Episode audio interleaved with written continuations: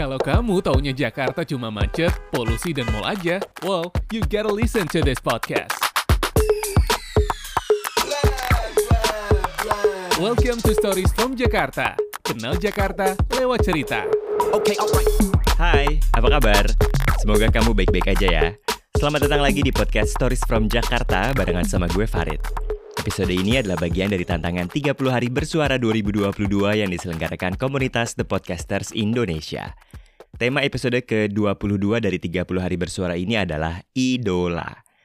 Hari ini juga adalah hari ibu, jadi gue ingin mengucapkan selamat hari ibu untuk kamu, para perempuan dan juga ibu yang saya yakin menjadi idola bagi keluarga. Tapi untuk tema idola kali ini, gue ingin bercerita tentang seseorang yang gue sebenarnya nggak kenal, tapi ketika gue membaca cerita hidupnya, karyanya beliau, justru beliau menjadi idola bagi gue. Sebagai seorang tour guide di kota Jakarta yang banyak cerita tentang landmark, sejarah, perkembangan kota, sampai tokoh di kota ini, ada banyak nama ya yang sering banget muncul di narasi tour yang gue pandu. Nama arsitek, gubernur, politisi, pelukis, pematung, pahlawan, sampai tokoh-tokoh agama dan masyarakat juga sering ada dalam narasi gue. Nah di episode Idola kali ini gue mau cerita tentang seseorang yang kalau gue ceritain selalu membuat gue sendiri kagum dan gue selalu menceritakannya penuh dengan perasaan haru. Namanya adalah Sutami. Familiar? Kalau namanya nggak familiar, mungkin kamu familiar dengan salah satu karyanya yaitu Jembatan Semanggi.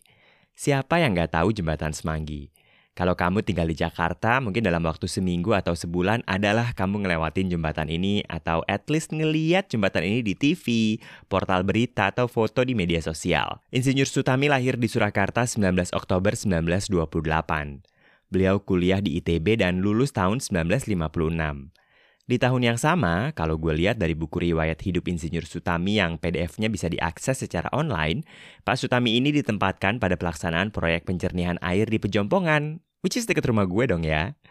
Baru tahun 1961, Pak Insinyur Sutami ini kemudian menjadi Direktur Utama PN Hutama Karya. Dua tahun kemudian, beliau diangkat sebagai pemimpin pusat proyek Jembatan Musi. Terus hubungannya dengan Jembatan Semanggi gimana? Banyak media dari Wikipedia sampai situs Kementerian Pekerjaan Umum menyebut bahwa ketika di masa Insinyur Sutami menjadi menteri lah jembatan Semanggi mulai dibangun. Tapi media Tirto ini punya narasi yang berbeda yang menurut gue kayaknya sesuai dengan timeline riwayat hidup Insinyur Sutami yang gue baca dari PDF online yang beredar di internet. Diambil dari buku dari Soekarno sampai SBY, Intrik Lobi Politik Para Penguasa yang dikutip oleh Tirto.id, ada dua orang insinyur yang berdebat sengit di hadapan Presiden Soekarno ketika membahas spesifikasi dan metode paling efisien untuk membangun jembatan Semanggi yang Bung Karno ingin buat. Dua orang itu bernama Sutami dan David Cheng. Pak Sutami saat itu baru aja diangkat menjadi Direktur Utama PN Hutama Karya, mengusulkan agar jembatan dibangun menggunakan konstruksi beton prategang atau pre-stressed concrete tanpa menggunakan tiang. Usulan ini ternyata dianggap aneh banget karena di Indonesia belum pernah dilakukan. Bung Karno konon sampai kesel mendengar kedua orang ini berdebat sampai-sampai beliau bilang, Awas Sutami, kamu jangan main-main dengan nama baik bangsa dan negara. Kalau engkau berpetualang, engkau akan digantung. Buset, diancam digantung sama Bung Karno, apa rasanya coba? Tapi kemarahan Bung Karno make sense sih, karena kita tahu kalau Jembatan Semanggi ini adalah salah satu proyek mercusuar beliau yang nggak boleh gagal. Akhirnya proyek Jembatan Semanggi secara resmi dimulai pada tahun 1961. Dan ketika diresmikan, sukses membuat Bung Karno terkesan sampai akhirnya mengangkat Pak Sutami sebagai Menteri Pekerjaan Umum di Kabinet Dewikora pada tahun 1966. Hidup Pak Sutami selanjutnya adalah menjadi menteri terus nggak putus. Bahkan ketika pergantian presiden, Pak Sutami salah satu dari sedikit menteri yang dipertahankan oleh Pak Harto. So he was that good.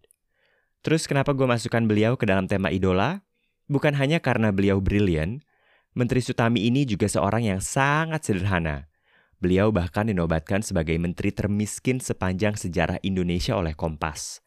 Kompas menulis, meski menjabat sebagai Menteri PU, nyatanya Pak Sutami justru hidup di rumah yang atapnya bocor. Bahkan rumahnya yang di Jalan Imam Bonjol dibeli dengan cara mencicil dan baru berhasil dilunasi saat memasuki masa pensiun. Bukan itu aja, layanan listrik rumah Pak Sutami yang di Surakarta juga ternyata sempat loh dicabut oleh PLN. Usut punya usut, ternyata karena Pak Sutami memang sempat kekurangan uang sehingga ia terlambat membayar tagihan listrik.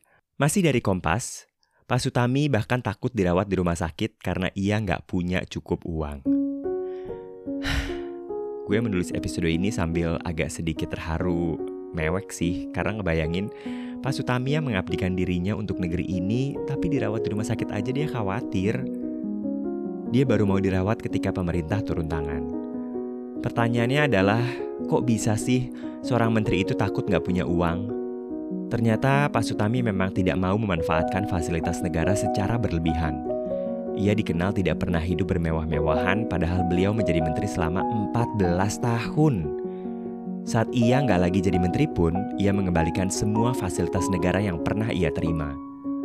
Tirto menulis kalau perhatian Pak Sutami sangat besar pada pembangunan tingkat bawah – sebagai menteri, ia malah lebih sering mengurusi pembangunan jembatan desa atau irigasi kecil. Baginya, pembangunan sepatutnya langsung bermanfaat bagi rakyat kecil ketimbang pembangunan-pembangunan raksasa yang menunjang ke arah perluasan industri. Tempo juga mengutip kalau Pak Sutami ini pernah berkata, gunung berapi, irigasi, dan jembatan adalah pacar-pacar saya. Mundurnya Pak Sutami dari pemerintahan bukan hal yang politis. Masih dari Tirto, mundurnya Sutami terjadi karena kondisi kesehatan yang semakin memburuk sejak awal tahun 1977. Menurut sejumlah pewartaan, penyakitnya ini ditimbulkan akibat kekurangan gizi dan kelelahan. Berdasarkan pewartaan Kompas, Pak Sutami mulai dirawat di rumah sakit sejak 12 Maret 1978 akibat gangguan penyakit lever kronis. Setelah menjalani perawatan intensif dan banyak operasi, beliau akhirnya menghembuskan napas terakhirnya pada 13 November 1980. Beliau mungkin sekarang udah nggak ada, tapi jangan pernah lupa namanya. Jangan pernah lupa karyanya dan yang paling penting, I really hope his humble life inspires us all.